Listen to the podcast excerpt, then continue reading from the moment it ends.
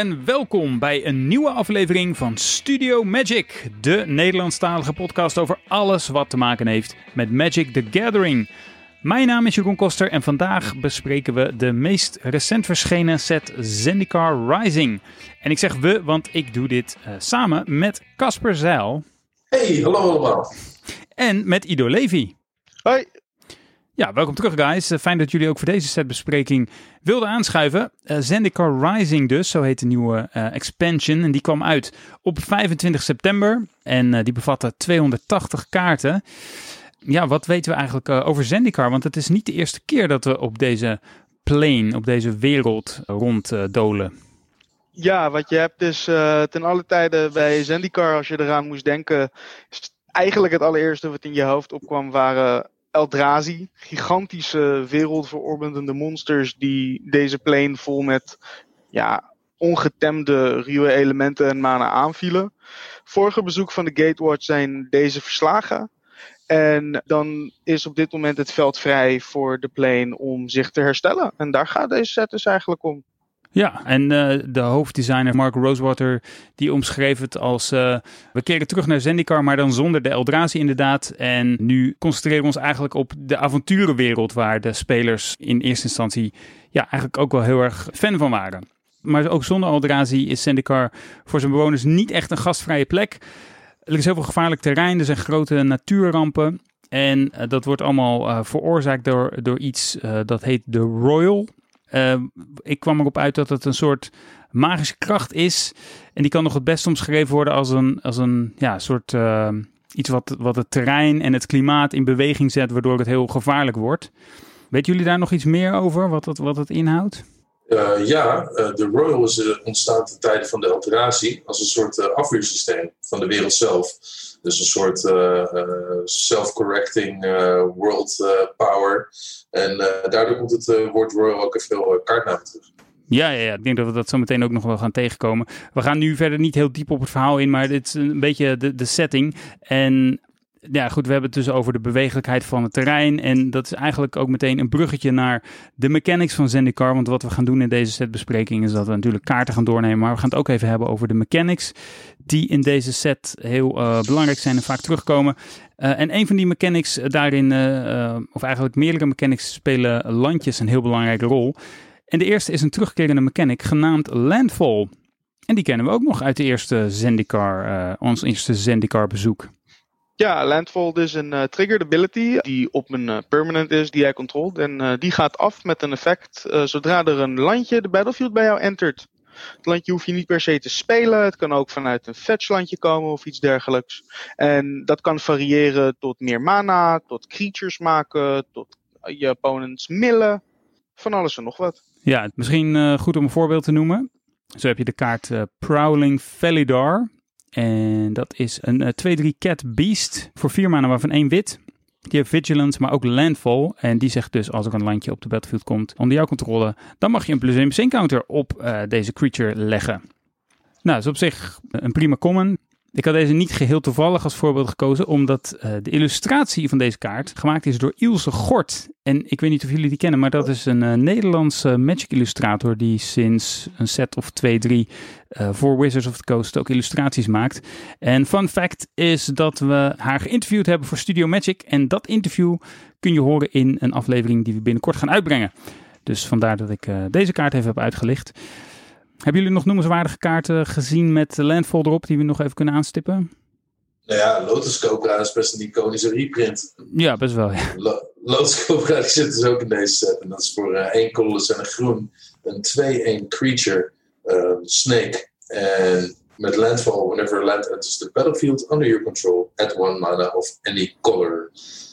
Ja, goed een uh, lage drop die uh, zorgt voor die reward voor het spelen van je landjes met meer mana. in welke kleur dan ook is het natuurlijk geweldig om uit te kunnen curven en meerdere kleuren te kunnen spelen. Um, sowieso als je meer kleuren wil spelen, speel je vaak al groen. Dus dit is natuurlijk een geweldige toevoeging voor heel veel formats. Ja. Standard en Pioneer zullen hiervan smullen, denk ik. Hij is nu op Rare geprint. Was het niet eerst een Uncommon? Een Mythic. Het was juist een Mythic. Oh, hij is gedownshift zelfs. Ja, hij is gedownshift. Dus uh, dat maakt het extra interessant. Uh, Ik denk dat voor uh, Commander-spelers was dit al heel lang stable.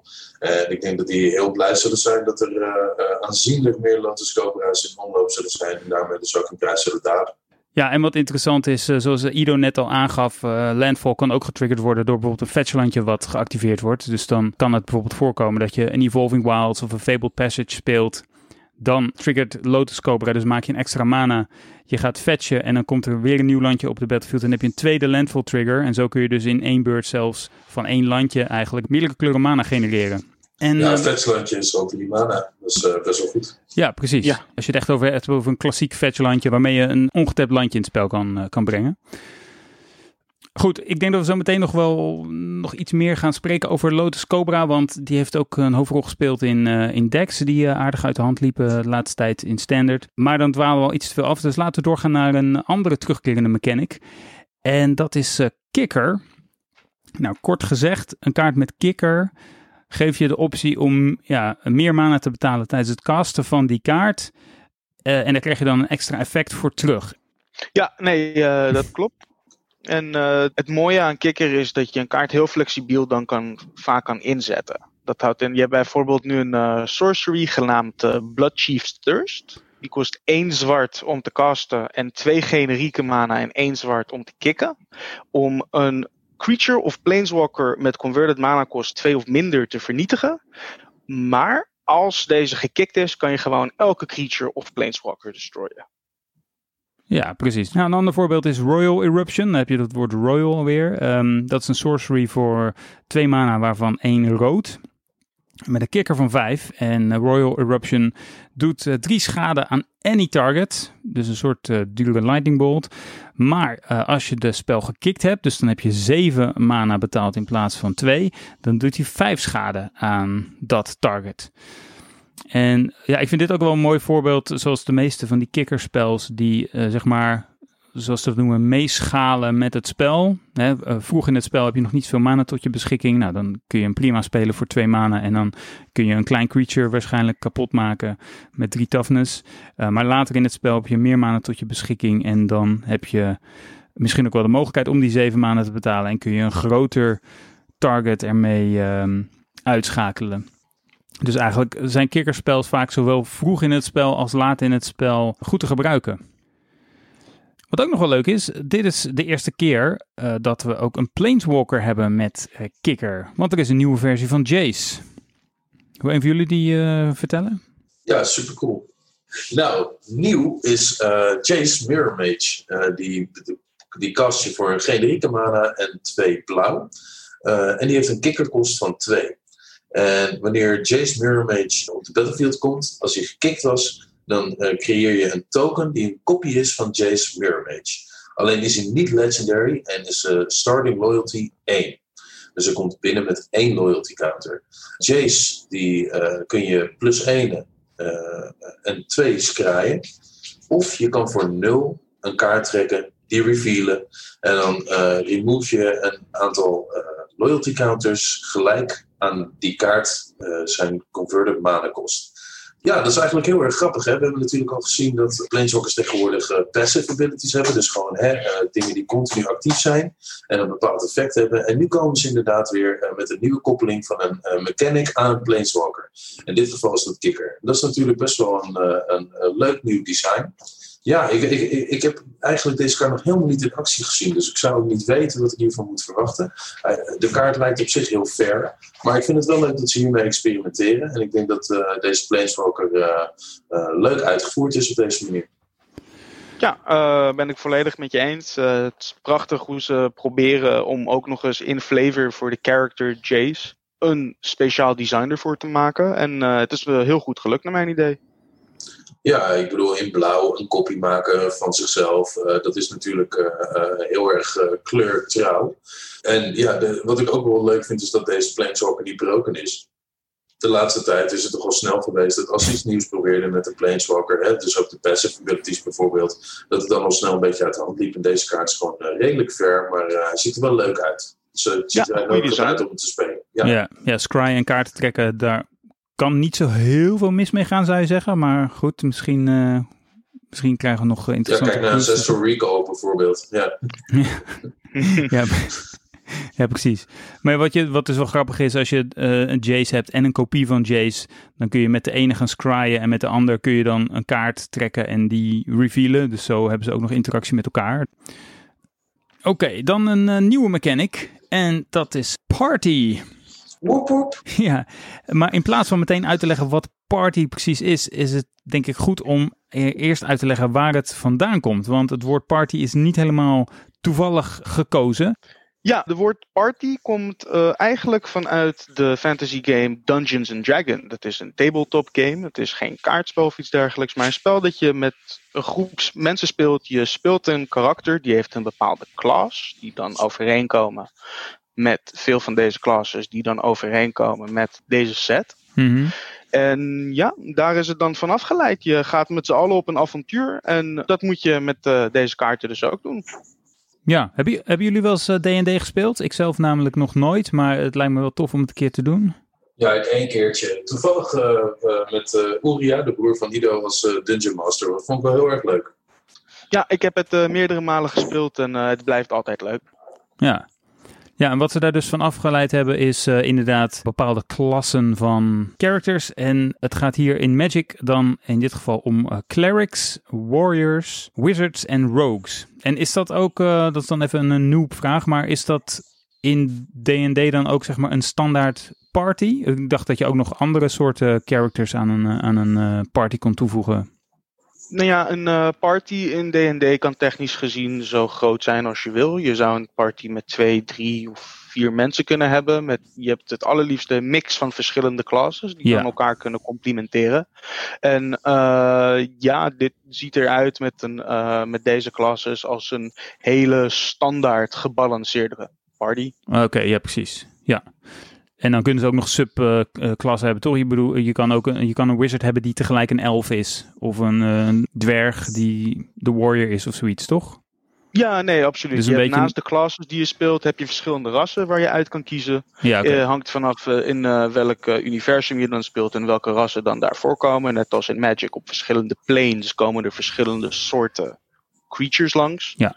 En dan ja, kan je gewoon de combinatie beslissen die je wil. Laten we de eh, verschillende partyklassen dan even doornemen. Het gaat dus om, eh, zoals ik al zei, clerics, warriors, wizards en rogues. Clerics, die eh, komen eigenlijk voornamelijk voor in de kleur wit. Ook in andere kleuren vind je clerics, behalve in rood. Daar heb je geen enkele cler- cleric in. En de mechanic, waar veel clerics iets mee doen, dat is eh, life gain. En een voorbeeld is de kaart Core Celebrant. Voor drie maanden, waarvan één wit. Een, eh, een Core Cleric. eh 1-4. En als Core Celebrant of een andere creature op de battlefield komt onder jouw control, dan krijg je één leven. Nou, de enige ervaring die ik heb met Core Celebrant is eh, dat ik hem wel een paar keer in Limited heb gespeeld. En als het je lukt om een Cleric deck bij elkaar te, te draften, zeg maar, met life gain en payoffs daarvoor, dan kan het echt heel hard gaan. Dan, dan hoef je niet eens aan te vallen en dan kun je toch het spel winnen doordat je heel veel life gaint en tegelijkertijd je tegenstander eh draint. En dat werkt best wel lekker, moet ik zeggen. Eh, ja, het lijkt me best wel sterk. ja, ik vond het wel een goede kaart. Oké, dan de Warriors. Die zitten vooral in rood. Ook de andere kleuren die hebben eh, Warriors behalve blauw. En ja, ik weet eigenlijk niet zo goed wat nou de verbindende mechanic is. Zoals bij Clerics eh, gaat het om life gain. Ik heb bij Warriors een beetje zitten kijken wat die gemeen hebben. Maar het is eigenlijk gewoon... Het zijn agressieve creatures. Sommige hebben haste. Sommige die worden sterker als ze een equipment hebben. Maar ik vond dat een beetje moeilijk te zeggen wat nou... ehm, ja, wat daar nou de verbindende mechanic is. Volgens mij is wit ook de enige kleur die daadwerkelijk met clerics eh, zich vooral aan één eh, eh, archetype bindt. Oh, Oké, ja? De rest is allemaal redelijk spread over. Ja. Ja, ja. Nou, een voorbeeld van een warrior is de Shatterskull Minotaur voor 6 mana, waarvan twee rood. Een 5-4 Minotaur Warrior. En die zegt dat eh, het casten van die spel 1, één gelijke mana minder kost voor elk creature in je party. Dus dit is dan eigenlijk ook meteen een voorbeeld van een kaart die dus checkt hoeveel creatures je in je party hebt. En dat hadden we net nog niet verteld, maar dat is eigenlijk ook belangrijk. Eh, als je een aantal creatures op de battlefield hebt liggen die eh, deze relevante creature types hebben, dan kan het zijn dat je op een gegeven moment een complete party hebt. Dus en een cleric en een rogue en een wizard en een warrior. En uh, daar kun je dan bepaalde payoffs voor krijgen. Je kan payoffs krijgen voor een complete party. Dus als je party compleet is, dan um, krijg je een bepaald effect van een andere kaart. Maar uh, er zijn ook kaarten die gewoon zeggen dat je een voordeel hebt als je 1, 2 of 3 partyleden op de battlefield hebt liggen. Maar wat misschien nog wel even goed is om te vermelden, en daar weet jij misschien ook meer van, Casper, als judge, dat uh, als je bijvoorbeeld um, twee warriors op het veld hebt liggen, dan telt dat niet als twee leden van je party. Nee, klopt. Het gaat echt om de unieke uh, rollen hier. Dus inderdaad, uh, je hebt een party en die bestaat maximaal uit vier. En dat is dus de cleric, de rogue, de warrior en de wizard. En hij kijkt alleen, heb je een cleric, een rogue, een warrior of een wizard. Ja, precies. Nou, dan hebben we de wizards. Ja, de Wizards uh, zijn zoals altijd in Magic voornamelijk blauw. Maar ja, ze komen in heel veel andere kleuren voor altijd. In deze set uh, in allemaal behalve zwart. De Wizards in deze set die caren of je iets anders gedaan hebt deze beurt. Zoals een instant, een sorcery of een andere wizard casten. Een voorbeeld daarvan is de Windriser Wizard. Is een Human Wizard, een 2-2. En hij kost 2 generieke en 1 blauwe mana. Hij heeft flying. En wanneer jij een instant sorcery of een wizard spell cast, mag je een kaart trekken, hoeft niet. Maar als je het doet, moet je wel een kaart discarden. Ja, het zogeheten uh, looten. Kaart trekken en dan uh, daarna discarden. Ja, best een oké kaart als jij het in limited op kan zetten. Ja, precies. Ja, dat is echt een stevige kaart. Ja, ja, en voor de volledigheid, uh, ze, ze, kunnen inderdaad checken of je die beurt een Instant Sorcery of Wizard uh, uh, speelt. Maar het kan ook zijn dat ze kijken naar of je Instant Sorceries of Wizards in je graveyard hebt liggen, bijvoorbeeld. Dat is ook iets wat je terug ziet komen bij Wizards. En dan de vierde en laatste class, dat zijn de Rogues. Kun jij daar iets over vertellen, Casper? Zeker. Rogues, vooral in blauw en zwart. Maar uh, ook in de overige kleuren behalve wit. En uh, het is heel erg leuk. Dus hebben hier een beetje de mill uh, mechanic weer teruggebracht. Of tenminste, je payoff krijg je voor rogues als je tegenstander acht of meer kaarten in de graveyard heeft. Millen is dus het devies. Voorbeeld is hier de Nighthawk Scavenger. Die is één generieke mana en ook twee zwart. Voor, jawel, een Flying Dead Touch Lifelink Vampire Rogue. And zijn power is equal to 1 plus the number of card types among cards in your opponent's graveyard. Dus uh, het is eigenlijk een soort Tarmogoyf. Um, hij heeft zelf 1 power en 3 toughness. Dat is eigenlijk al een prima kaartje ja. voor 3 mana. Sowieso een 1-3. Ja, met Flying, Dead Touch en Lifelink. En die kan alleen maar groter worden naarmate je tegenstander meer soorten kaarten in zijn uh, of haar graveyard krijgt. Ja, dat is natuurlijk uh, heel erg sterk. Uh, bedenk maar eens hoe snel dat gaat. Uh, in Limited zo spelen mensen veel creatures, maar uh, zoals we hiervoor ook al zagen bij de blauwe kaarten, er is best wel wat looting aanwezig. Er zijn best wel veel redenen voor tegenstanders om verschillende soorten kaarten in een graveyard te krijgen. En deze die geeft je daar een dikke reward voor, met een dikke body. Ja. Dus dat is heel erg leuk. daarnaast zijn er heel veel kleine utility creatures die echt best wel veel synergieën hebben. En het support elkaar allemaal heel erg netjes. Dus uh, nee, het is echt een, echt een leuk, leuk archetype. Ja. ja, hele vette kaart. Doet ook denken aan Vampire Nighthawk. Het is een kaart met uh, nou, eigenlijk dezelfde stats, behalve dat hij niet kijkt naar de graveyard van je tegenstander. Hij vond zichzelf volgens mij 2-3, als ik ja. me niet vergis. En uh, dat, dat verandert dan verder niet. Nou, ik denk in veel omstandigheden dat deze gewoon beter is. Night, Night Scavenger, ja. toch? Al, het lijkt mij ten aller tijde beter. Ik bedoel, er zijn bijna geen situaties waarin die echt 1-3 uh, is, uh, denk ik. Maar um, ja, nog even wat Rogues betreft. Deze kijkt dus inderdaad naar de graveyard van je tegenstander en kijkt gewoon naar het aantal verschillende card types. Um, maar wat veel andere Rogues doen, is dat ze kijken of er acht kaarten in de graveyard liggen van je tegenstander. Wat ik dan wel een vrij specifieke um, clausule vindt. Dus als je je tegenstander drie of vier, vijf kaarten hebt laten millen, dan gebeurt er nog niet zoveel. Maar als je de grens van acht hebt bereikt, dan krijgen die rogues een extra, ja, worden ze sterker of zo. Nou ja, wat wel noemenswaardig is, is dat uh, Kijk, jij kan natuurlijk bezig zijn met uh, je tegenstander kaarten in zijn graveyard te laten gooien. Ja. Maar meestal gaat het natuurlijk ook al een beetje vanzelf. Uh, ik denk dat je best aan kan nemen dat iemand op, uh, zeker in Limited op een beurt 5, zo al twee, drie kaarten in zijn graveyard heeft liggen. Ja. Ehm, En aangezien het archetype echt wel supported is in deze set, denk ik dat het heel reëel is om aan te nemen dat je zo rond beurt 5, 6 echt je payoff wel gaat krijgen. Ja. Nou, om dan even één voorbeeld te noemen van een kaart die dus echt die acht kaarten in de graveyard wil zien. Um, dat is bijvoorbeeld... Uh... Oh, het zijn er minder dan ik dacht. Oh, je bedoelt Relic Golem de drie generieke mana voor een 6-6. Een artifact creature golem die niet kan aanvallen of blokken. Tenzij de tegenstander acht of meer kaarten in zijn of haar graveyard heeft liggen. Uh, uh, ja, bijvoorbeeld. Is dat een rogue ook?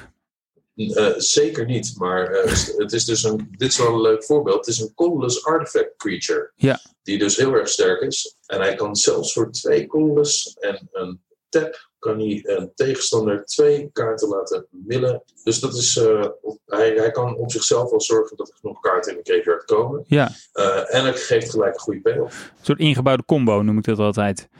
Ja, het is eigenlijk een soort uh, maar dan met een 6-6 body erop. Nou, dat lijkt me niet ja. verkeerd. Nee, zeker. Nou, nog een laatste rogue, een echte rogue dan, de Nimana Skitter Sneak. Voor vier maanden waarvan één zwart. Een 3-4 Human Rogue. En uh, zolang een tegenstander acht of meer kaarten in zijn graveyard heeft, krijgt de Nimana Skitter Sneak plus 1, plus 0 en Menace. Dus in plaats van een 3-4 vanilla wordt het dan een 4-4 met Menace. Nou, dat is toch wel een leuke upgrade. Zeker. Oké, we hebben dus net de vier party members eigenlijk besproken met de belangrijkste kleuren waar ze in voorkomen. En elk van die party members heeft ook een kleur waar ze helemaal niet in zitten. Er is nog een bijzonder geval, namelijk de kleur groen. Er is geen enkel uh, party member met groen als hoofdkleur.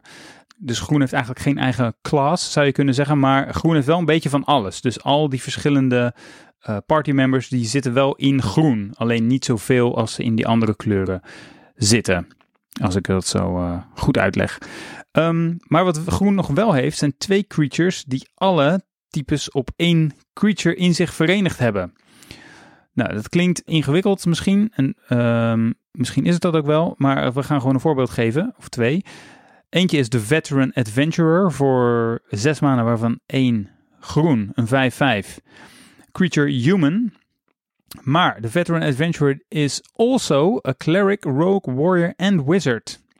Dus eigenlijk heeft dit creature vijf verschillende creature types, maar die passen niet allemaal op de type uh, line. Dus hebben ze dat maar in de textbox gezet. En verder zegt hij dat deze één generieke mana minder kost om te casten voor elk creature in je party. En hij heeft ook nog eens Vigilance. Maar nu is wel even belangrijk wat Casper net zei over uh, die party members. Dat elke creature dus maar um, ja, één keer telt. Ook al heeft hij... Um, nee, hoe zeg je dat? Als je bijvoorbeeld twee warriors in je party hebt, dan telt het toch maar voor één uh, slot in je party. En dat geldt eigenlijk ook voor deze Veteran Adventurer, want hij telt wel als een cleric, een rogue, een warrior en een wizard. Maar dan kun je nog steeds maar één slot in je party mee checken. Zeg ik dat zo goed?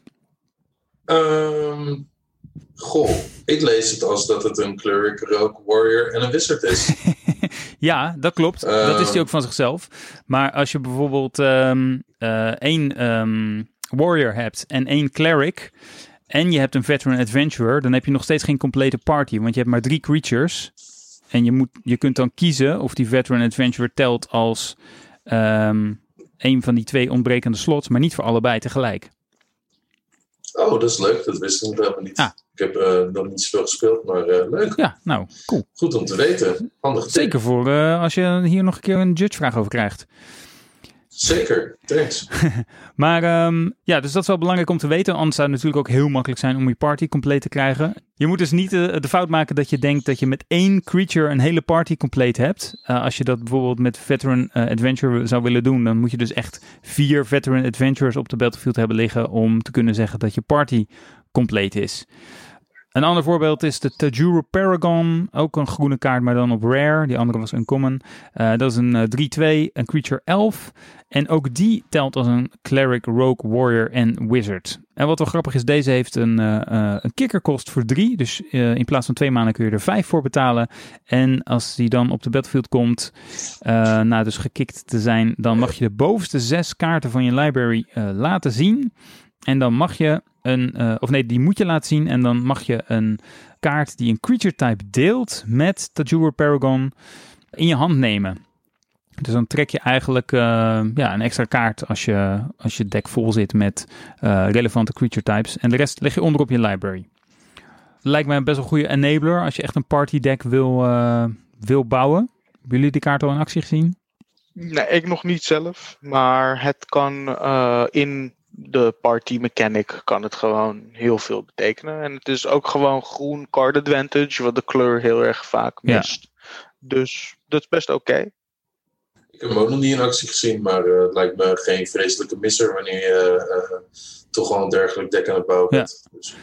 Nou, en dan tot slot, uh, de, het is geen groene kaart, maar ook in de artifacts is er een um, creature die alle vier de types heeft. Dat is de Stonework Pack Beast voor twee generieke mana een 2-1 Beast. En ook die telt als een Cleric, Rogue Warrior en Wizard. En die heeft ook nog als activated ability voor twee generieke mana. Dat je één mana van een kleur naar keuze in je pool kan stoppen. Dus het is um, nou ja, een soort mana fixing. Je gaat er wel één mana op achteruit per saldo. Maar uh, je kan dan in elk geval je kleuren uh, fixen. Ik vind dat zelf een hele fijne limited kaart. Ja, nee, de kaart is heel, uh, heel erg leuk. En uh, het is een redelijk uniek effect. Volgens mij is die echt maar in twee verschillende kaarten geprint ook. Waarbij jij colorless mana in één keer kan uh, converten naar gekleurde mana. Ja, is dat zo zeldzaam? Ja, er is hiervoor een creature geprint in Dominaria, geloof ik, die dat deed. Ja, en daarvoor was in Mirrodin of in Darksteel de vorige. Oh, grappig. Ik dacht dat het heel gebruikelijk was. Ik dacht Kaladesh ik dacht dat Cavendish er ook nog een ah. had. Zo uit mijn hoofd, maar dat kan ik zo missen. Geinig. Goed. Ik wil nog één ding zeggen over Party. Um, wat nog wel grappig is, Dungeons Dragons hadden we het net al over, wordt niet geheel toevallig ook uitgegeven door Wizards of the Coast, net als uh, Magic the Gathering. En begin september heeft uh, Wizards of the Coast het um, release schedule bekendgemaakt voor 2021. Dus welke sets er dan uitkomen, welke namen die gaan hebben en wanneer die ongeveer uitkomen. En toen werd bekend dat er uh, in het derde kwartaal van 2021 een set uitkomt en die heet Dungeons and Dragons Adventures in the Forgotten Realms. Oftewel gewoon een keiharde crossover set met Dungeons and Dragons.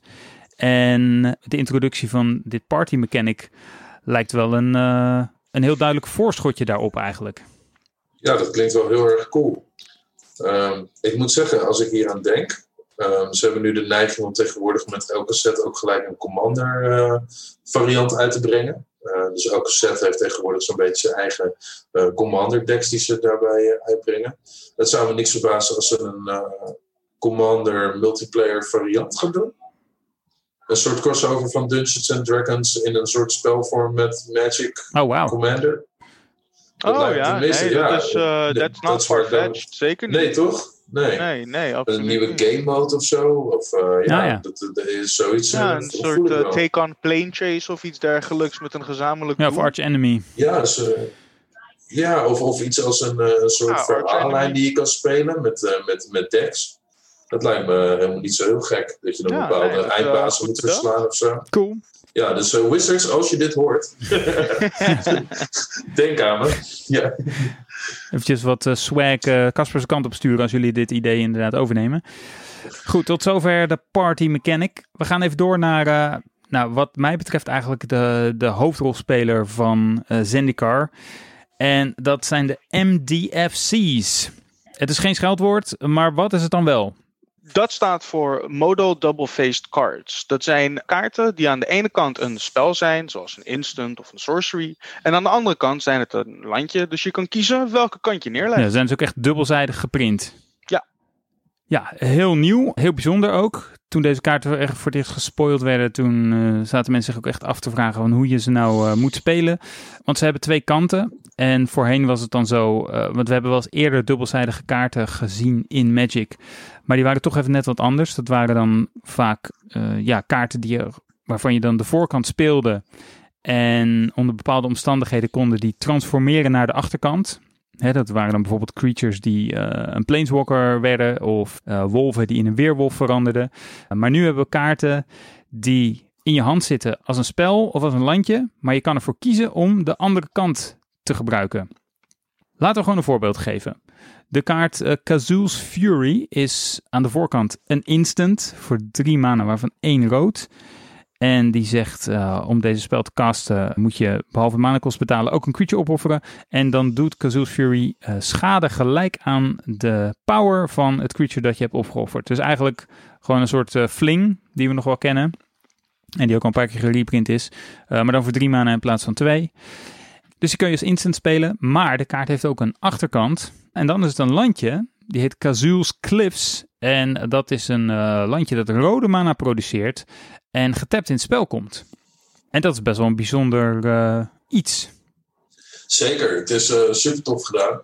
Het feit dat alle spels dus nu een landje op de achterkant hebben, daarvan komt ook het gedeelte model in de afkorting MDFC. Ja. want double face cards kennen we inderdaad al. Het tof is dat je dus altijd een alternatieve uh, usage hebt voor de kaart die je in, in, je handen hebt. Je kan altijd spelen als een landje dat veelal tapped into play komt. Uh, er is ook een mythic cycle en die laat het untapped into play komen. En wat dit nou eigenlijk doet en wat voor impact het heeft, hebben we vooral gemerkt in Limited. In Limited is het namelijk zo dat je hè, bij draft of bij uh, sealed heb je altijd te maken met decks die toch niet helemaal optimaal zijn. Hè? Het zijn decks die een beetje improviseert. En wat er vaak gebeurt bij dat soort decks is dat je best wel veel landjes moet spelen om te zorgen dat je deck goed loopt en dat je er vrijwel van verzekerd bent dat je altijd je landrops gaat halen en daardoor al je spels kan spelen deze kaarten hebben er ontiegelijk veel invloed op gehad. Want je hebt nu dus allemaal spels die je in je deck kan stoppen. Maar die eigenlijk een soort van tellen als een half landje. Omdat ze, ze komen dan wel tapped into play. En als je iets, hè, als een landje speelt en je hebt uh, geen manieren om uh, bijvoorbeeld zo'n landje weer terug te halen naar je hand. Want die spels zijn er wel mm-hmm. in, uh, in dit formaat. Dan ben je natuurlijk een spel uit je hand kwijt. Maar je maakt bijna altijd al je landdrops. En het, is toch wel echt een grote feel-bad over het algemeen als je je potje verliest. Omdat je hè, geen landjes trekt. Iedereen heeft het wel eens meegemaakt. Dat is gewoon ronduit vervelend. Want op die manier kan je geen magic spelen. Daar krijg je dan de kans niet voor. En deze landjes die fixen dat heel mooi. En ja, die brengen uh, gelijk echt hele nieuwe dynamiek aan het spel. En dat is wel uh, heel goed gedaan. Ja. Dus dat ik merken dat veel van deze spels uh, meestal allemaal al een keer een versie hebben gehad die goedkoper is voor hetzelfde effect. Uh, dus je overbetaalt een beetje inderdaad. Maar ja, het feit dat er een landje op de achterkant zit, is gewoon echt heel veel waard. En dat moeten mensen ja. niet onderschatten. Ja, en de flexibiliteit die het je kan geven, is die extra kosten sowieso waard. Ja, er zitten 36 modal double face cards in, uh, in Zendikar Rising. Ze zitten allemaal op uncommon of hoger. Maar uh, ja, dat betekent toch dat je ze regelmatig tegenkomt in een draft. Volgens mij is het ook zo dat uh, elk pakje wat je opent, elke booster minimaal één modal double face card bevat. En tijdens een draft heb je gewoon ja, best wel veel gelegenheid om, om dit soort kaarten te draften. En ja, het speelt echt fantastisch. Want ja, wat je zegt, Casper, je kan op deze manier meer landjes in je deck stoppen, maar tegelijk ook meer spels. Dus je, in plaats van dat je een deck hebt met 17 landjes en 23 uh, spels en creatures, zoals je normaal gesproken hebt, heb je nu decks die bestaan nog steeds uit 40 kaarten, maar die hebben dan bijvoorbeeld 20 landjes en 28 spels of iets dergelijks. Dat is nu gewoon normaal. Ja, ik heb tijdens, uh, ik heb, ik heb nu drie keer Shield gespeeld tijdens de pre-release. En ik heb één keer gedraft. En ik heb zowel in control decks als in aggro decks nog nooit uh, meer dan 16 land gespeeld. Omdat ik gewoon standaard wel hè, drie of vier kaarten had die ook een landje waren. En soms zelfs meer. Ja. En het fijne is dat je dat gewoon uh, op een gegeven moment kun je het gewoon een beetje, de aantallen een beetje loslaten. Omdat je weet van nou, goh, het zit toch, het zit toch wel goed. En uh, we komen zo ook nog bij de Cycle TFC Lands, die je dan als uh, een van twee kleuren kan spelen. Ja. Er is, het, het, is gewoon allemaal heel solide. En het zorgt ervoor dat in ieder geval de play experience in Limited echt een stuk vooruit is gegaan. Ja, ja. Dus ik hoop dat dit ook een stukje evergreen wordt. Dat lijkt me heel leuk als ze dit blijven doen.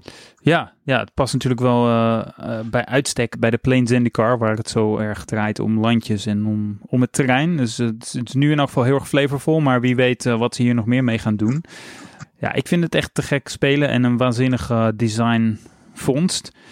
Ik wil nog even één voorbeeld noemen, om even aan te geven hoe, ja, hoe bruut sommige kaarten kunnen zijn. Um, er is bijvoorbeeld een witte Mythic Die heet Emeria's Call. En dat is aan de voorkant een uh, sorcery voor 7 maanden, waarvan 3 wit. Dus best wel duur. En die zegt: maak twee 4-4 witte Angel Warrior creature tokens met flying. En non-angel creatures die jij controlt, die krijgen indestructible tot het einde van je volgende beurt. Uh, until, until your next turn. Oh, sorry. Oh ja. Ja, ja goede correctie, inderdaad. Tot, uh, tot je volgende beurt. Dus ook tijdens de beurt van je tegenstander zijn jouw creatures nog indestructible. Of je non-angel creatures. Kun je er bijvoorbeeld uh, mee blokken zonder dat ze doodgaan. Dus dat is Emeria's Call. Uh, aan de achterkant is deze kaart een landje. Die heet Emeria Shattered Skyclave. En die produceert witte mana. En die komt getapt in het spel tenzij je drie leven betaalt. Uh, dus eigenlijk net als de welbekende Shocklands, uh, die je ongetapt in het spel kan laten komen in voor leven, ja, kun je dat bij deze ook doen, wat het natuurlijk ontzettend sterk maakt. Eigenlijk is een, ja. een goede stelregel, um, tenminste wat ik tot nu toe heb begrepen van mensen die heel goed kunnen draften, is dat um, als je model double face cards in je hand hebt en je hebt geen landjes om te spelen, dan moet je maar gewoon die model double face cards spelen als landje. In plaats van dat je gaat wachten tot je eindelijk de kans hebt om ze als een spel te, te spelen. Het is inderdaad wel grappig dat je dit, uh, dat je dit noemt. Um, afgezien van het feit dat het heel fijn is dat we nu uh, van die double-faced cards hebben. Uh, die dus inderdaad zorgen dat je beter uit kan curven en dat je minder manuscrewed wordt. Zorgt dit ook wel weer voor een nieuw keuzemoment. Dat toch een beetje een trap kan zijn voor beginnende spelers. Want stel je voor, je hebt een Amelia's Call in hand. En uh, je hebt inderdaad op een gegeven moment geen landje. En je denkt van, ah, goh, uh, weet je, maar ik wil toch die Amelia's Call heel graag gaan spelen over een paar beurten. Um, dan zijn mensen dus geneigd om hem maar op hand te houden. Maar ondertussen geen landdrops te maken en hun eigen spel te laten stagneren, zeg maar. Ja. En dat, dat is uh, best wel lastig om te beslissen van hè, wanneer moet je nou gewoon je landdrop maken en uh, die uh, andere value maar even laten voor wat het is. En wanneer uh, is het inderdaad handiger om die kaart even op hand te houden. Dus uh, dat zorgt er wel voor dat er uh, meer beslissingsmomenten zijn. Dat het spel voor veel mensen veel leuker maakt. Maar het is wel iets om je zeker in te verdiepen. Ja. En je goed af te vragen wanneer wat handig is. Ja, precies. En uh, ja, voor de duidelijkheid, uh, je, moet dus echt kiezen op het moment dat je de kaart speelt. Van gebruik ik de voorkant of gebruik ik de achterkant. En dat, dat blijft het dan ook. Hè? Als je eenmaal uh, dat landje hebt gespeeld, dan kun je hem niet opeens nog als een, als een, als een spel gebruiken. Tenzij je, kaar, je andere kaarten speelt die ook in deze set zitten. Die jou de mogelijkheid geven om landjes weer op te rapen en in je hand te stoppen. Want dan kun je nog een keer diezelfde kaart spelen. En dan heb je opnieuw de keuze: speel ik hem als landje of speel ik hem als spel? Dus dan krijg je best wel ja, advanced gameplay, zeg maar. Omdat je uh, ja, in het begin van het spel speel je ze als landje. En uiteindelijk kun je ze weer oprapen. En dan kun je ze ook nog eens aan de andere kant benutten. Ja, klopt. Dat is, uh, dat is inderdaad heel erg cool. Er is ook een modern deck, daar gaan we het later nog even over hebben. Uh, dat het heel erg benut. Dus uh, misschien dat we er dan nog even extra uitleg over kunnen geven. Ja, dat lijkt me goed. Meestal hebben we het dan ook nog even over de cycles die voorkomen in een set. Dat zijn in dit geval eigenlijk voornamelijk die double-faced uh, kaarten. Ja, de rest ja. is allemaal niet zo interessant eigenlijk. Namelijk, uh, nee. Natuurlijk heb je de, de, de signpost en commons, maar uh, die zijn ook niet zo interessant. Nou, wat dan nog wel noemenswaardig is, uh, je had het net al over Casper. Je hebt uh, in deze, uh, onder de Model Double Face cards, heb je ook een aantal kaarten die zijn aan beide kanten een landje. Dus niet aan de voorkant een landje en aan de achterkant een spel, maar echt aan beide, of andersom. Maar aan beide kanten een landje. En er zitten er zes verschillende in. Een voorbeeld is de Clearwater Pathway. Dat is de naam aan de voorkant en die tapt voor een blauw mana. Uh, maar je kan ook de achterkant spelen. Dan heet het Murkwater Pathway. En dan produceert hij zwarte mana. Het bijzondere is dat deze landjes niet getapt in het spel komen. Wat dus eigenlijk beter is dan een uh, standaard taplandje. Maar ja, je moet dus wel beslissen op het moment dat je hem speelt. Heb ik meer behoefte aan blauw mana of meer behoefte aan zwarte mana? Want je kan niet tijdens het spel nog even omdraaien en dan de andere kant gaan gebruiken. Dus je kan niet zomaar zeggen dat ze strictly better zijn dan, uh, dan Guild Cage bijvoorbeeld. Voor twee kleurendecks zijn deze kaarten gewoon beter. Zodra je met meerdere kleuren dan dat, dat gaat spelen, denk ik dat uh, taplandjes nog steeds een uh, relevante overweging ja. zijn. Dit is dan een voorbeeld van een, een kaart die uh, blauwe of zwarte manen kan produceren. Zo zitten er nog uh, vijf andere kleurencombinaties um, uh, in Zendikar Rising. Dus dan hebben we er, hebben er zes, hebben zes kleurencombinaties en vier overige kleurencombinaties met bijbehorende model double-faced landjes. Die verschijnen volgend jaar. De eerste set die volgend jaar uitkomt, dat is Kaldheim. Dat is inmiddels uh, bevestigd. En uh, daar zitten de overige vier landjes van deze cycle in. Dus daar kunnen we dan naar uitkijken. Het is ook leuk om te weten dat we dan uh, nog meer MDFC's gaan zien. Goed, we gaan door. We moeten het even hebben over Omnath, denk ik. Wat jullie? Hoezo, die mag toch nergens spelen? nee, omdat is, uh, is inderdaad een kaart. Hè? Uh, omdat is uh, een, één rood, één groen, één wit en één blauw. 4-4. En dat is het. Ik snap niet waarom die geband is. Oh nee, er staat nog een stukje tekst op. when on that locust of creation the battlefield en een kaartje trekken. En natuurlijk heeft hij ook een landfall ability, hè, omdat hij uh, bestaat al wat langer. En die hebben we in meerdere sets al gezien. Ja. En die heeft bijna altijd wel een landfall uh, ability. En deze heeft landfall, wanneer er een landje de battlefield entert onder jouw controle, dan krijg je vier leven de eerste keer. Mocht het nou de tweede keer zijn deze beurt dat er een landje onder jouw controle de battlefield entert, dan mag jij een rood, groen, wit en blauw aan je mana toevoegen. En als het de derde keer is, dat er een landje de battlefield entert onder jouw controle deze beurt, dan dealt hij 4 damage naar elke tegenstander en elke planeswalker die jij niet controlt. Nou, wat kan er misgaan? ja, toch? nee, uh, wat, wat, wat, er misgaat is heel duidelijk. Deze kaart heeft heel veel tekst en al deze tekst slaat op het volgende. Er moet een landje de battlefield enteren zo'n landje dat de Battlefield entert, dat gebruikt de stack niet. Dat betekent dus dat je er vrijwel ongestraft altijd mee wegkomt.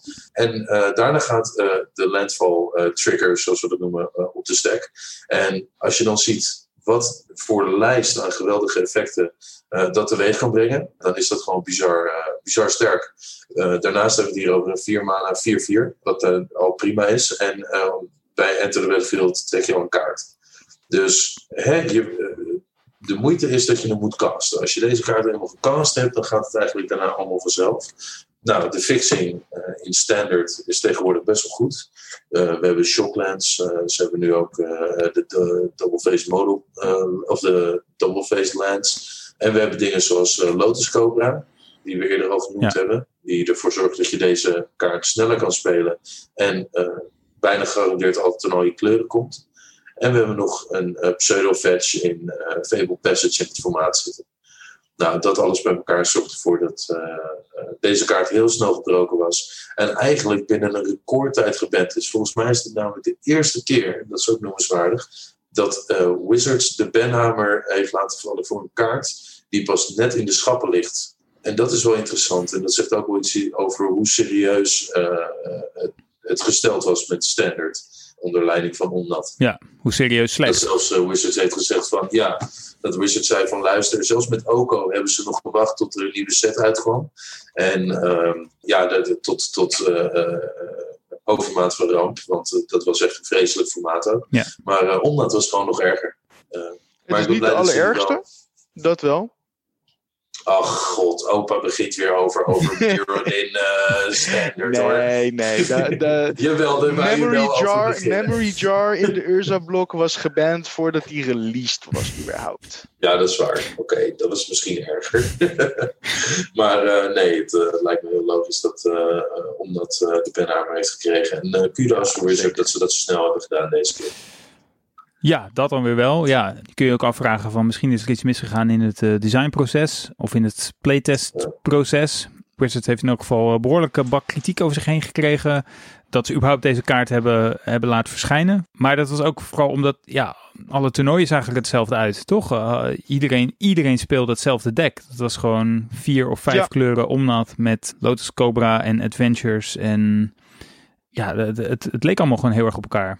Ja, volgens mij was de top 8 van uh, de. Ja, goh, ik wil zeggen Pro Tour, maar het was een variatie. In ieder geval, er waren acht bekende mensen die Magic gingen spelen. en uh, van die acht mensen uh, speelde er één iemand geen omnat. En dat was Seth Benfield. kudos voor hem dat hij durfde om gewoon Blue-Black Rogues te gaan spelen. in dat heftige veld van omnats. Maar inderdaad, het was heel erg veel hetzelfde. Ja. Nou, inmiddels is hij dus inderdaad uh, dan toch geband. Even kijken, in hoeveel formaat is hij nu eigenlijk geband? Alleen in Standard en Historic volgens mij. Oh ja, oké. ja. Uh, ik ga, wacht, laat me het even dubbelchecken. oh, sorry, hij is geband in uh, Standard en Brawl. Dat was het. Ja. Dus in Brawl mag je deze kaart ook niet meer spelen. Oh ja, natuurlijk. Ja. Nou, we, we, houden het nu even hierbij met wat we over Omnet hebben gezegd. We kunnen nog heel erg uitweiden over, over bands en over uh, hoe het gesteld is met uh, uh, de verschillende formats enzovoorts. Maar ik denk dat we gewoon nu ons moeten concentreren op, op deze set. Dus we hebben de mechanics gehad, we hebben het over Omnet gehad. hebben jullie eigenlijk met deze set gedraft? Ik één keer live en voor de rest niet. Afgelopen maand. Oké, ook nog niet op Arena gespeeld? Uh, nee, nee ik, ik moet zeggen dat ik Arena niet echt meer aanraak. Nee, oké.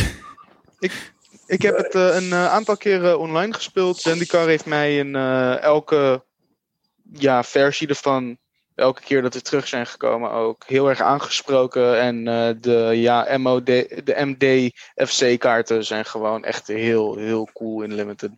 Ja, dat is ook mijn indruk. Ik heb het op Arena gespeeld de eerste week eigenlijk. Daarna ook niet meer, maar nog wel thuis met vrienden toen het nog mocht. En, uh, want we zitten nu weer uh, in een soort lockdown. Maar uh, ik heb echt heel erg veel plezier mee gehad. En ja, die model double face cards, het speelt echt zo fantastisch. Ik weet niet of dat heel snel gaat vervelen, zeg maar. Dat je zoveel landjes en zoveel spels tegelijk in je deck kunt, kunt stoppen. Je zou je kunnen afvragen of dat dan slecht is voor Magic. Dat je dus eigenlijk uh, bepaal, dat je dus een bepaalde deckbuilding restriction niet meer hebt of een stuk minder hebt. Ja, want je hoeft eigenlijk dus niet heel erg meer na te denken over je land-spell ratio. Dat wordt gewoon heel anders. Maar uh, ik vind het wel echt een stuk leuker spelen. Je hoeft ook veel minder te, te, te mulliganen. Dus tot nu toe uh, ben ik fan. Ja, ik heb tot nu toe ook nog niemand gehoord die er negatief over was. zowel beginnende als ervaren spelers lijken hier uh, gewoon heel erg blij mee. En wat betreft de deck restriction waar je het net over had, ik denk niet dat het per se veel makkelijker maakt.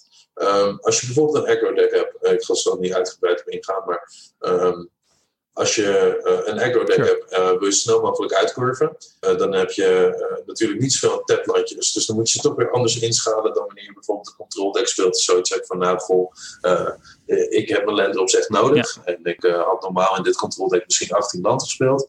en nu speel je dan misschien 16 of 16 of 17 land en drie dubbele kaarten. Ja.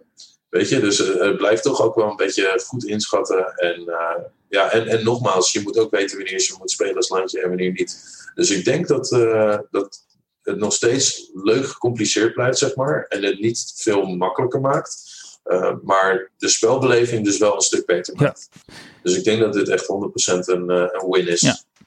Ja, 100% mee eens. Niks aan toe te voegen, zeker. Nee, dat is inderdaad wel een goed punt. Um, want bijna al die model double-faced cards, die komen als landje getapt in het spel. Behalve de, de mythics, dat zijn er dus vijf. Die kun je ongetapt in het spel laten komen als je drie mana uh, of drie leven betaalt.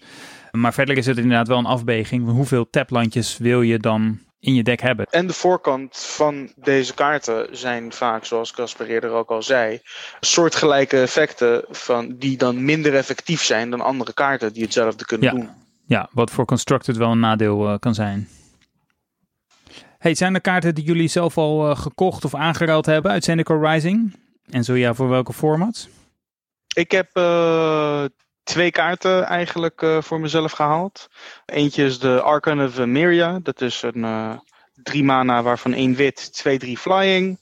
En die zegt dat elke speler maar één spel per beurt mag casten. Dat uh, je tegenstanders non-basic land dept in de battlefield enteren. Heb ik er maar eentje van gehaald voor Commander. Want dat past een beetje leuk in mijn prison-achtig dekje, wat mijn tegenstander probeert tegen te houden. En uh, dan ook nog eens uh, een van uh, de double-faced cards. Dat is Valakut Awakening. Dat is een instant voor drie mana waarvan één rood. Dan mag je net zoveel kaarten als je wil van je hand onder op je deck leggen. En zoveel kaarten plus één trekken. Of je zet hem in het veld als een tapped roodlandje. Wauw, dat lijkt me best goed in het Valakut deck nou ja, je mag uh, heel veel kaarten trekken wat dat betreft. Ik ben van plan om er uh, wat dingen mee uit te proberen in een uh, Modern Storm deck. Waarbij je bezig bent met veel kaarten op hand te verzamelen. En dan kan je heel diep graven naar de stukken die je nodig hebt.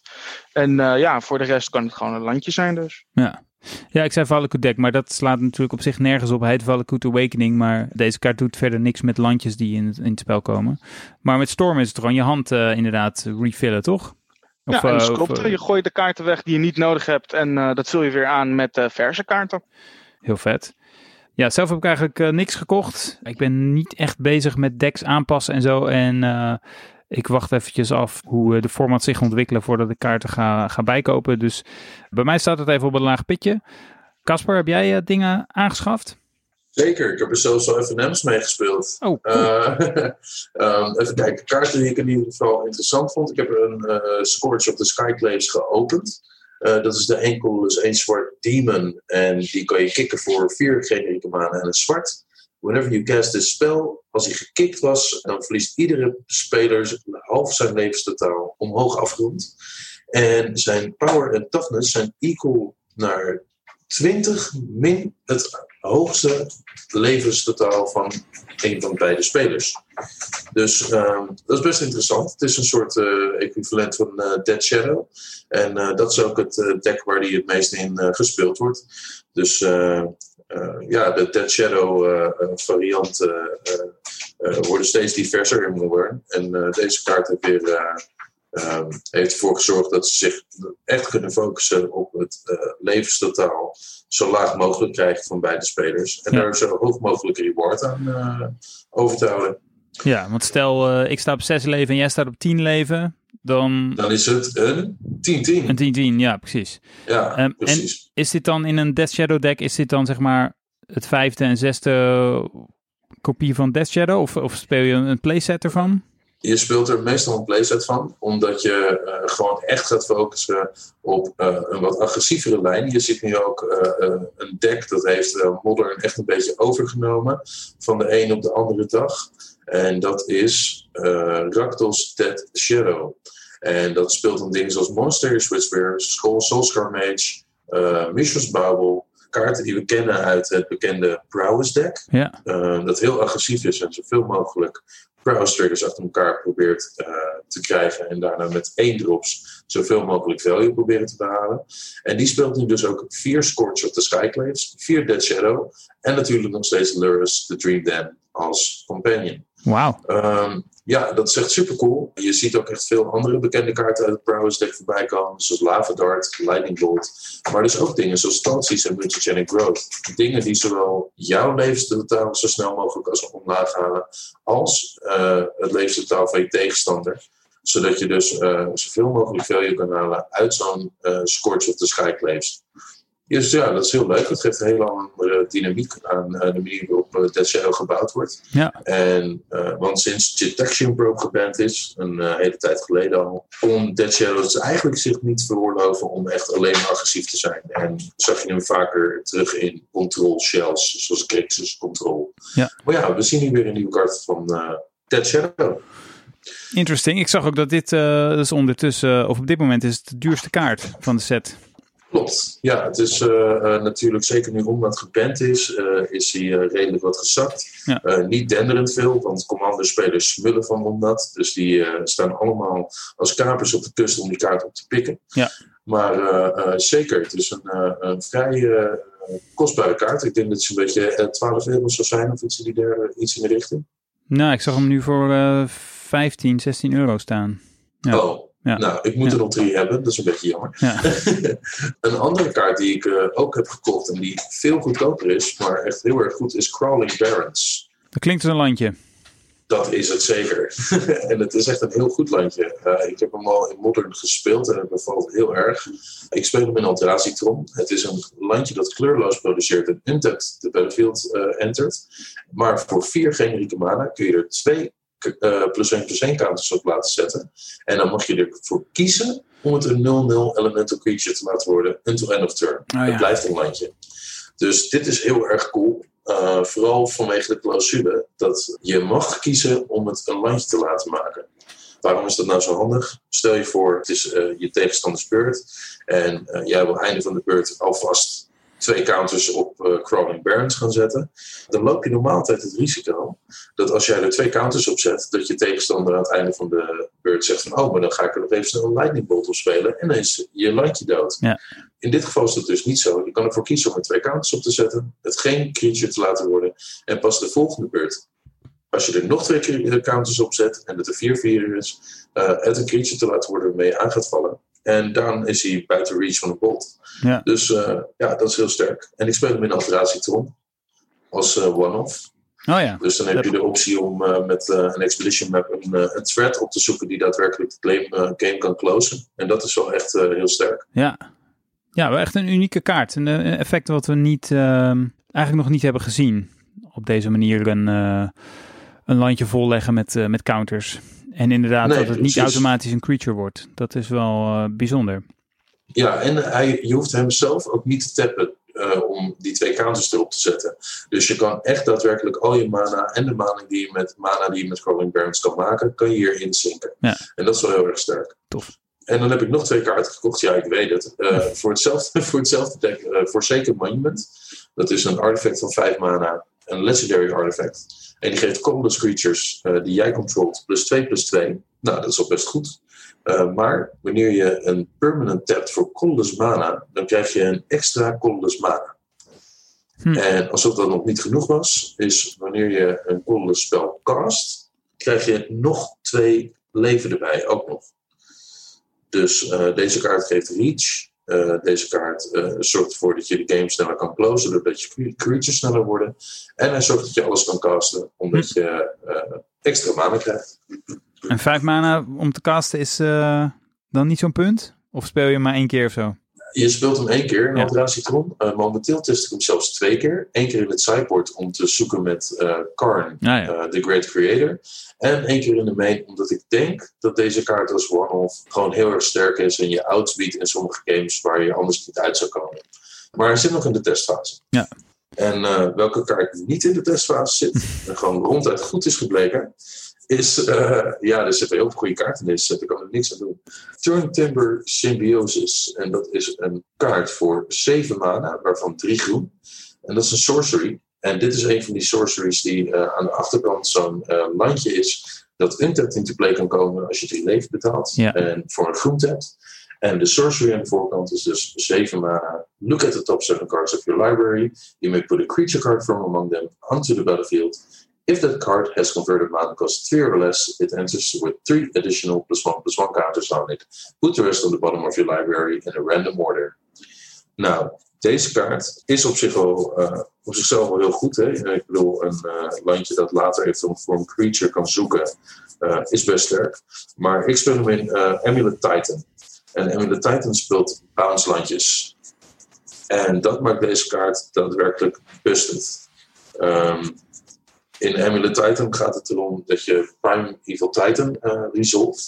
En voor de rest ben je een deck dat vooral gebaseerd is op de effecten van landjes. En eigenlijk was Amulet Titan altijd op zoek naar, een, uh, een, naar landjes die wat extra effecten hadden.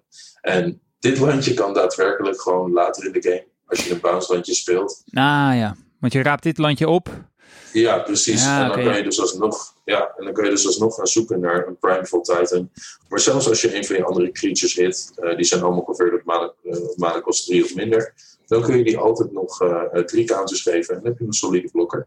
Ja. Dus uh, deze kaart is echt geweldig gebleken in het deck en is een kaart die zeker weten in het deck blijft. Ja, is ook een van de, een van de duurlijke kaarten nog op dit moment in de set. Alright, uh, nou misschien kunnen we nog even iets specifieker per format kijken wat daar potentiële staples zouden kunnen worden. Laten we eens beginnen met Modern. Uh, een kaart die ik zelf heel tof vond. Staple weet ik niet, maar het lijkt me gewoon echt een hele goede sideboardkaart. Dat is uh, een nieuwe versie van Linvala. In dit geval Linvala Shield of Seagate. Voor drie manen, waarvan één wit en één blauw. Een 3-3 Flying Angel Wizard. En die zegt aan het begin van combat je, uh, tijdens jouw beurt. Uh, als je een full party hebt, dus die vier verschillende creature types. Dan mag je een target non-land permanent van een tegenstander kiezen. En tot jouw volgende beurt kan die niet aanvallen, blokken. En de activated abilities kunnen niet geactiveerd worden. Nou, dat is op zich wel aardig. Maar goed, hoe vaak heb je nou een volle party? Dat lijkt me nog best wel gedoe om dat in constructs voor elkaar te krijgen. Uh, maar er is nog een clausule. En die zegt, uh, als je Lymphala opoffert, dan mag je kiezen Hexproof of Indestructible. En al jouw creatures, die krijgen die ability tot het einde van de beurt. En ik hou altijd wel van dat soort effecten in een deck. Zeker als, als je dit soort kaarten kan uh, tutoren of in het spel kan leggen met een Collected Company of iets dergelijks. Ja, omdat je daarmee gewoon heel goed je board kan beschermen tegen een, um, een Wrath of uh, uh, removal spells of iets dergelijks. Ja, dat is wel een hele interessante kaart. Um, wat je zegt, ik denk dat uh, een company deck of een Court of Calling deck hier wel, wel mee zou moeten kunnen. En het zou helemaal leuk zijn natuurlijk als je op een of andere manier een soort collected company party deck zou kunnen maken natuurlijk. Ja, dat zou het is misschien niet heel zijn. competitive, maar Court of Calling uh, om uh, de laatste persoon voor je feestje uit te nodigen. En uh, ja, ik bedoel, het enige wat je nodig hebt voor dat goede party is een goed gezelschap. Dus nee, ik, het lijkt me, lijkt, lijkt me leuk. Tof. Jullie nog een modern, interessante modern kaart gezien? Ja, die hebben we eigenlijk allemaal besproken dan. De Crawling Barons, het landje dat een creature kon worden. Ja. De groene Mythic uh, dual uh, faced card. En uh, de Scourge of the Skyclaves. En de respectieve decks zijn ook al genoemd. Ja, precies. We hebben er nog eentje. En oh. Ja, er zit een uncommon in deze set. En ik denk dat die serieus een uh, archetype echt een nieuw leven in gaat blazen. Gaat en ik denk dat, dat, ja, ik denk echt dat iedereen uh, hier maar, maar beter voorbereid op kan zijn. Uh, ik denk dat de Ruin Crab voor één blauw een 0-3 krab echt waves gaat maken in Modern en Legacy. Deze die, is een 0-3 krab. Het is een functionele reprint van die andere krab. Ido, hoe heet die ook alweer? Hedron Crab. Hedron oh ja. Crab. Maar deze is anders geword hij is anders geworden. Oké, okay, dat, dat verschil moet je me zo weer even uitleggen, want dat kan ik zo uit mijn kop niet 1, 2, 3 zeggen. Maar deze 0-3 krab voor 1 blauw, die heeft een landfall ability. En die zegt, wanneer er een landje entert op de battlefield onder jouw controle, dan uh, moet elke opponent drie kaarten millen. Nou, mill is al een hele tijd een archetype in Magic.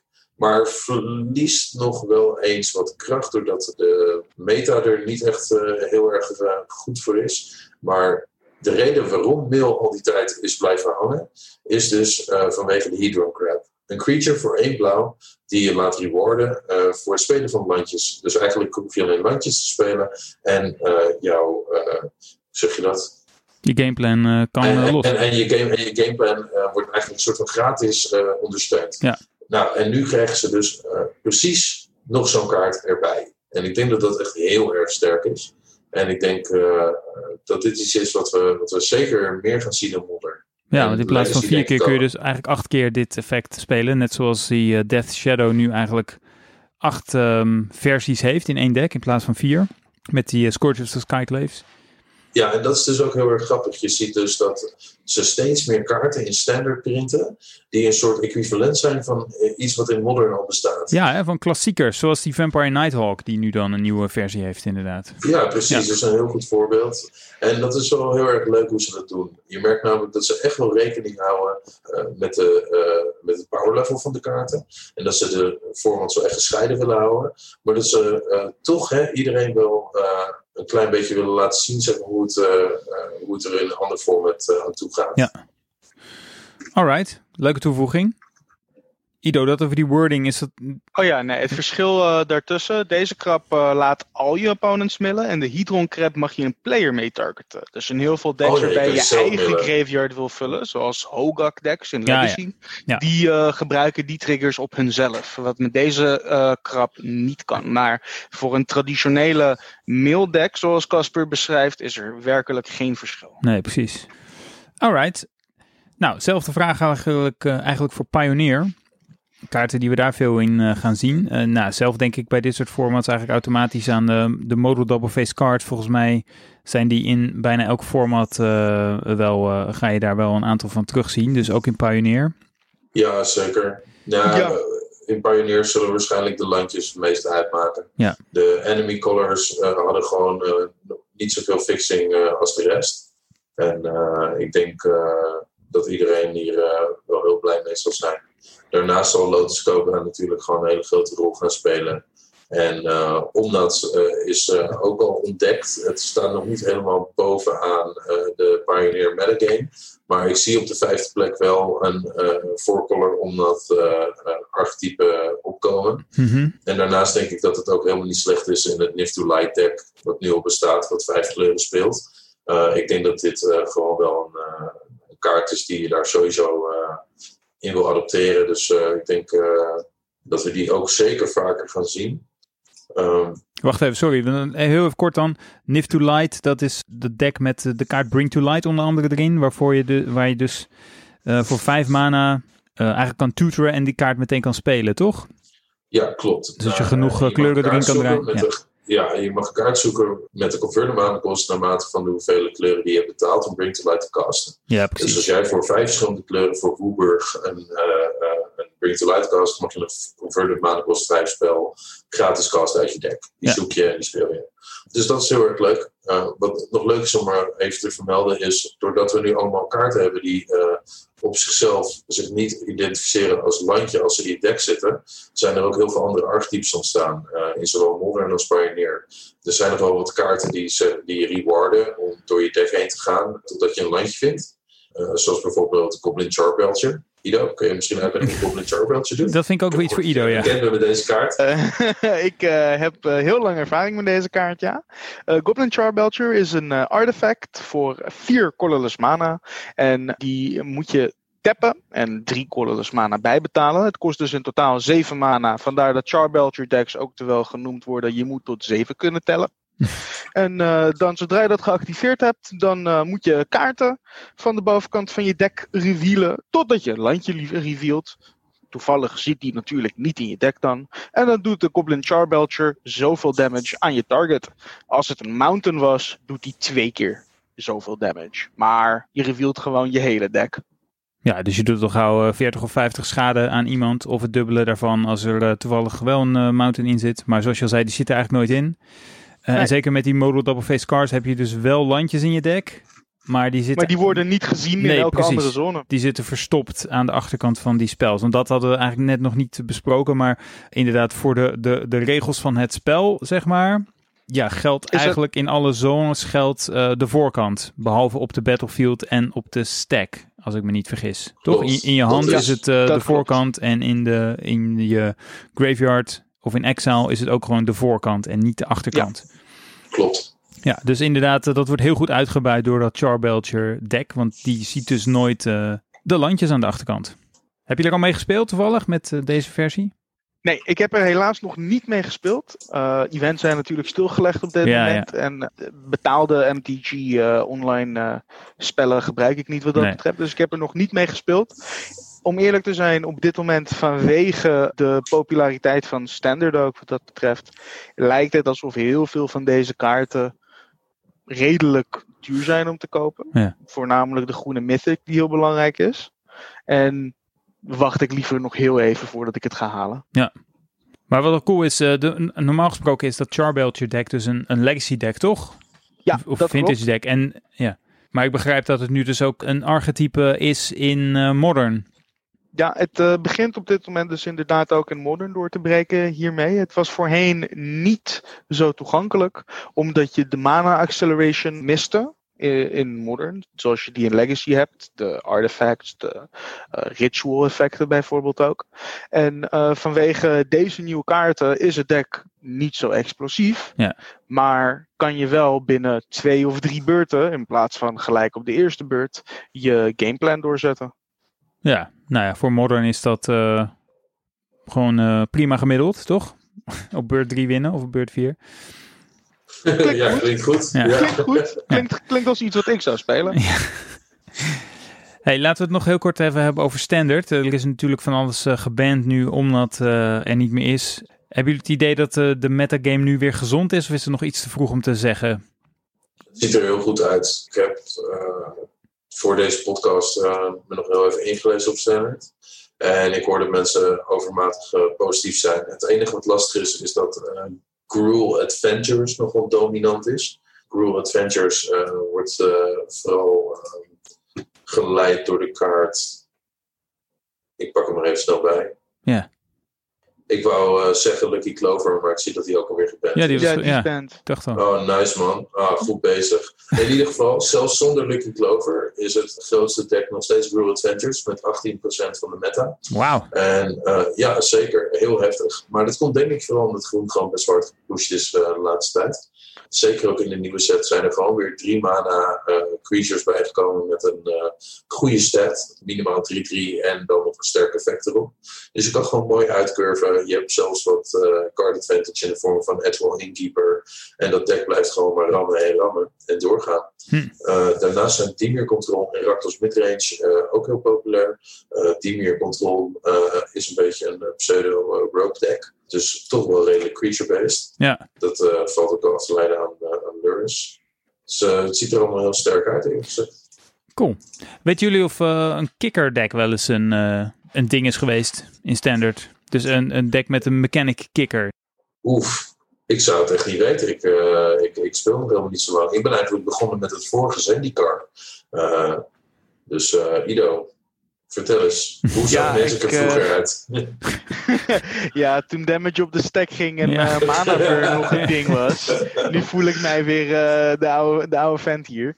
Maar eh, ja, kijk, kicker eh, is natuurlijk een eh, heel lang bestaand mechanic.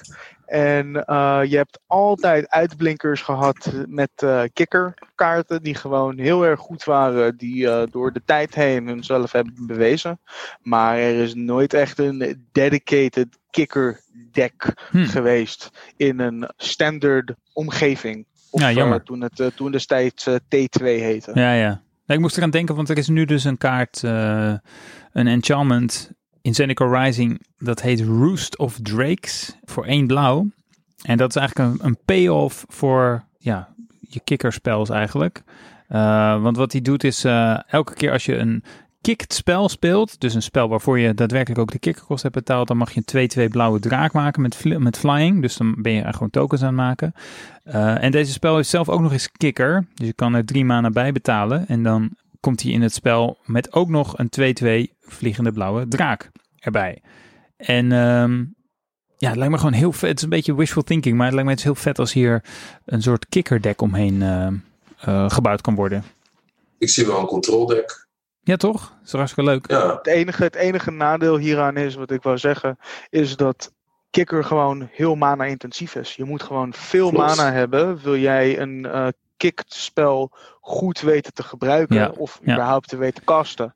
En eh, dat zou alleen in een control deck, zoals Casper zegt, mogelijk zijn. Maar ja, om het goed te kunnen gebruiken, moet je al de eh, overwicht hebben op het spel. Ja, nou ja, dan ga ik het tot die tijd dat het echt een ding is, ga ik hem gewoon nog eh, in limited proberen te forcen en dan eh, kijken of ik er wat van kan maken. Maar ik vind het een hele vette kaart. Weet je waar spelers wel altijd heel veel mana hebben en tijd om dingen te casten? In Commander. hey, wat is, dat is even toevallig. Heb je in het draaiboek gekeken? Eh, nee, zo. Nee, laten we het inderdaad nog even over, over Commander hebben. Ehm, nog even een ehm, nou, soort van top 3. Hoeft niet specifiek in de top 3 volgorde. Maar eh, zijn er kaarten die jullie eh, heel vet vinden voor dat oh zo geliefde format?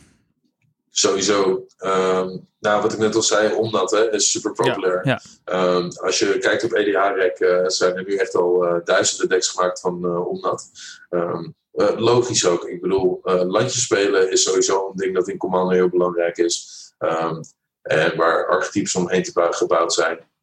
En ik denk dat elke landval gek eh, gelijk Ja. een Omnat gehaald heeft. Want deze kaart zorgt er gewoon voor dat je en vier kleuren landval kan spelen. Er was nog eerder nog geen vier kleuren landval commander. Dus ik denk dat mensen daarom heel enthousiast zijn. Eh, en plus de kaart is gewoon hartstikke sterk, zoals we eerder al zeiden. Eh 4 damage naar elke tegenstander en 4 damage naar elke planeswalker die je niet controlt. Dat is Ja, gewoon een knipoog naar commander. Het staat er niet voor niks op. Dus eh, ja, mensen hebben dat eh, opgepikt.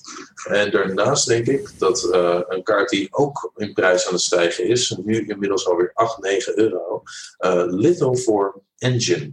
Dat is een legendary artifact voor 4 generieke mana. En voor 2 colors kan je hem tappen. En kan je een activated of triggered ability die jij controlt kopje. Je mag nieuwe targets Ah, ja. zien kiezen voor de kopie. Nou, dat klinkt Ja. leuk toch? Klinkt leuk Ja hoor. zou ik doen. Maar, maar je mag hem ook voor drie generieke mana tappen. En dan mag je een instant of sorcery die jij controlt kopje. En je mag nieuwe targets kiezen. Oh, dat is Zeker leuk. Zeker. Ja, ik word steeds Ja, enthousiaster. top. Oh, Maar stel je voor dat ik nou ook hem nog een keer voor vier mana kan tappen. En let op, dames en heren, dit is heel uniek. Copy target permanent Nee. spell you control. permanent Nu- spel? Nu ben je gewoon kaart aan het bedenken, Casper. Eh, Nou, echt waar. Ik had hem zo kunnen bedenken. Echt waar. In mijn wildste dromen. Maar deze kaart is hier echt, mensen. En je kan hem gewoon vinden in de Zendikar Rising Booster Pack. In een van de 500 booster packs die je tegenwoordig hebt van een set. Maar super toffe kaart. Een legendary artifact. Ja, eh, hij is kleurloos. Hij past in elk deck. Eh, het doet allemaal Yankee dingen. Eh, elke commander-speler heeft hier zin in. En iedereen die hem opent, eh, eh, heeft wel een deck waar hij hem in kan spelen. Ja, ontzettend leuke kaart. Je ziet dat eh eh, Wizard steeds meer aandacht besteedt aan de commander-speler. Hè? Ook in de standaard sets. En eh, dat zie je hier weer. Ontzettend leuke limited kaart. Maar ook gewoon een hele leuke kaart. voor elke casual spike. En dan als laatste had ik Vita Swarm erbij staan. Dit is eh, wel een beetje een knipoog ook naar eh, de C-EDH community. Dit is namelijk voor één colorless en een zwarte sorcery.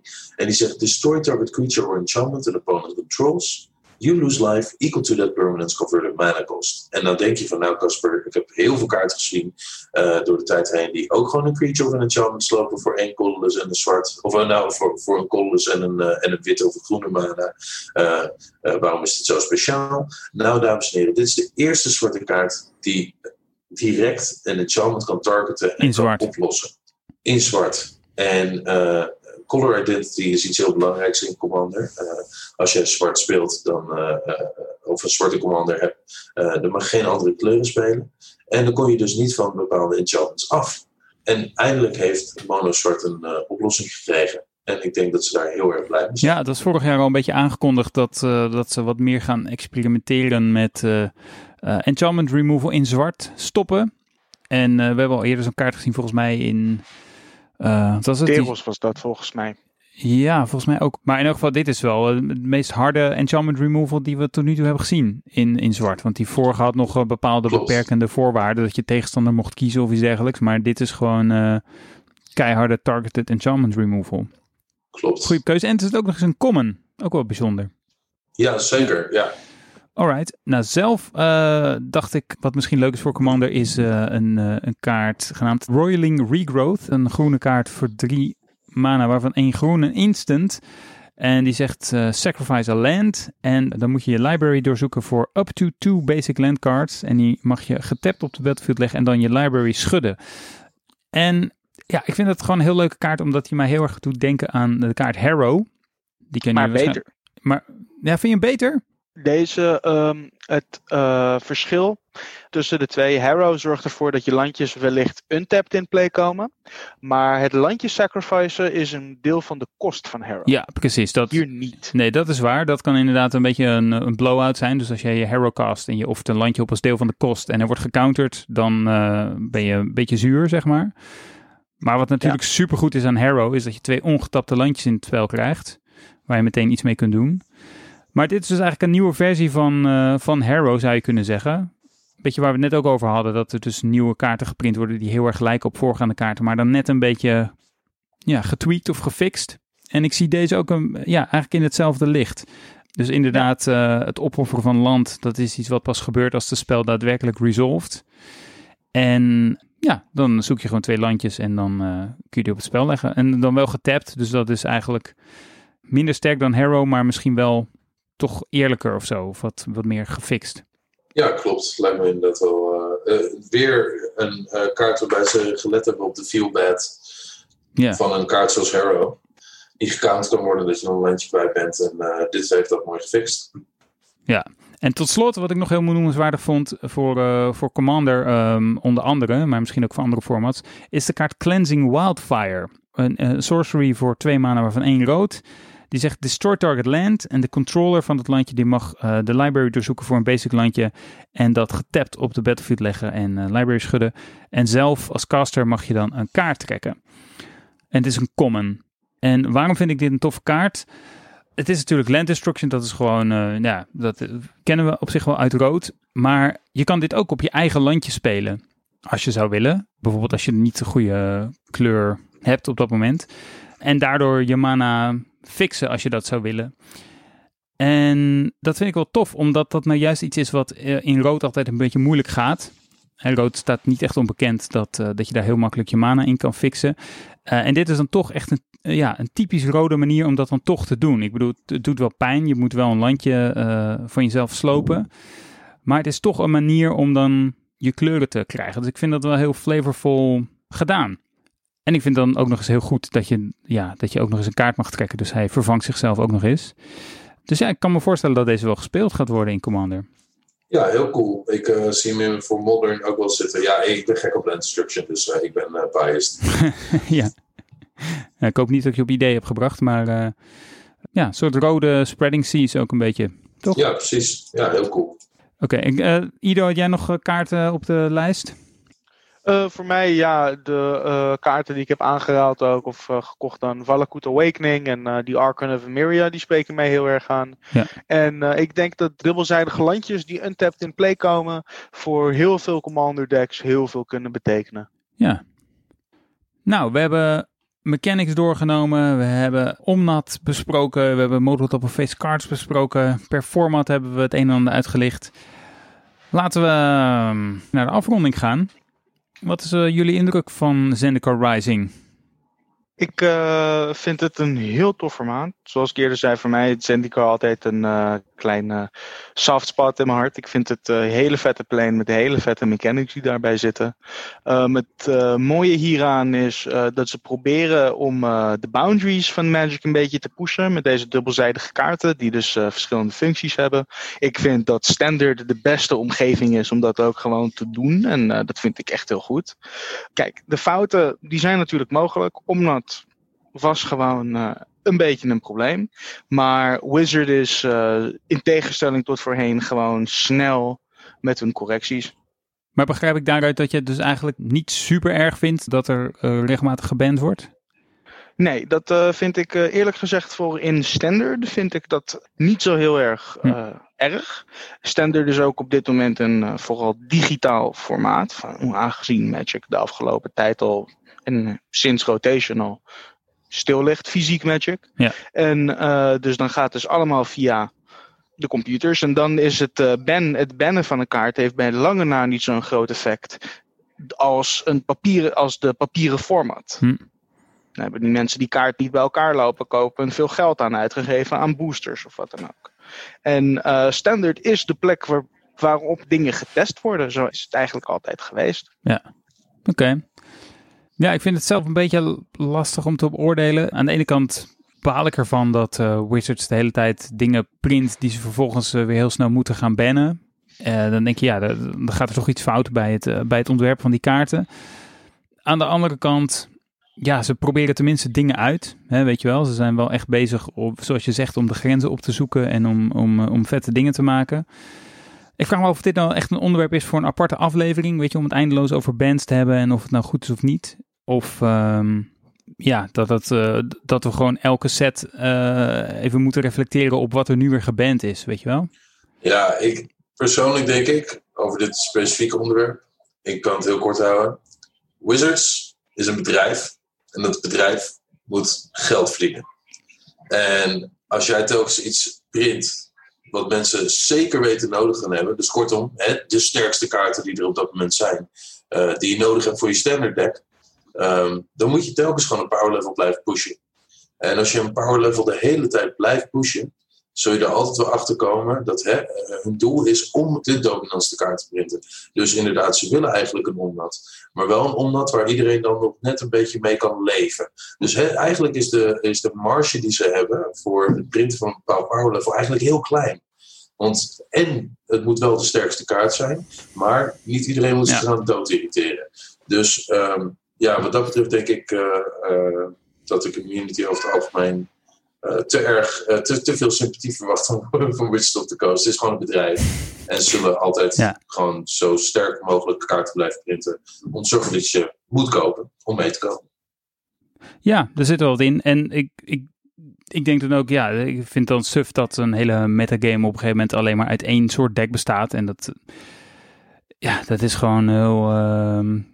Uh, ik weet niet, niet leuk aan, aan het spel. Het wordt inderdaad wel vrij snel gecorrigeerd. Dus dat is dan wel positief. En wat ik ook positief vind, eigenlijk was het tot nu toe in deze set maar één kaart die echt een groot probleem opleverde. En verder is de set eigenlijk best wel vet. Ja, precies. Dus op zich kunnen we spreken van een succesvol uh, product, denk ik. Ja, ja. ja, dat, denk, dat denk ik ook wel. Zeker. Nou goed, laten we inderdaad in, nu niet verder over bands en dat soort dingen gaan hebben. Ik moet zeggen, ja, ondanks dat ik nog niet echt heb geïnvesteerd in specifieke kaarten van deze set voor, uh, allerlei decks, heb ik wel, zoals ik al zei, heel veel lol gehad met het limited formaat. Ik heb er best veel mee getraft. En um, ja, de podcast waar ik naar luister uh, over limited, daarin zijn ze ook heel erg enthousiast over uh, Zendikar Rising. En wat ook wel leuk aan is, bijvoorbeeld uh, Lords of Limited. Het is een podcast over Limited.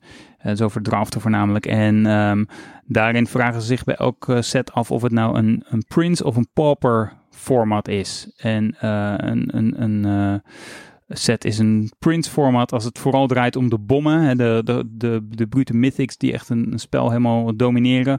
Of uh, dat het een pauper format is waarin het eigenlijk vooral draait om de commons en de uncommons.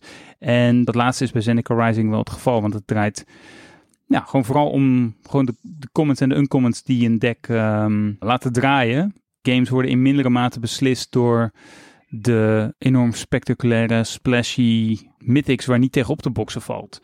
En dat vind ik ook wel een positief iets aan de set. Dus dat het, ja, dat eigenlijk alle decks ook wel van elkaar kunnen winnen of zo in uh, Limited. Ja, ik denk wat dat betreft dat dit een uh, heel uh, balanced formaat is. Ik heb mensen in uh, verschillende archetypes hele sterke decks zien draften. ook heel veel decks gezien waarvan ik in de eerste instantie dacht van, ah, goh, is dit nou sterk genoeg? Is dit, is dit het, het power level wat ik graag zou willen draften?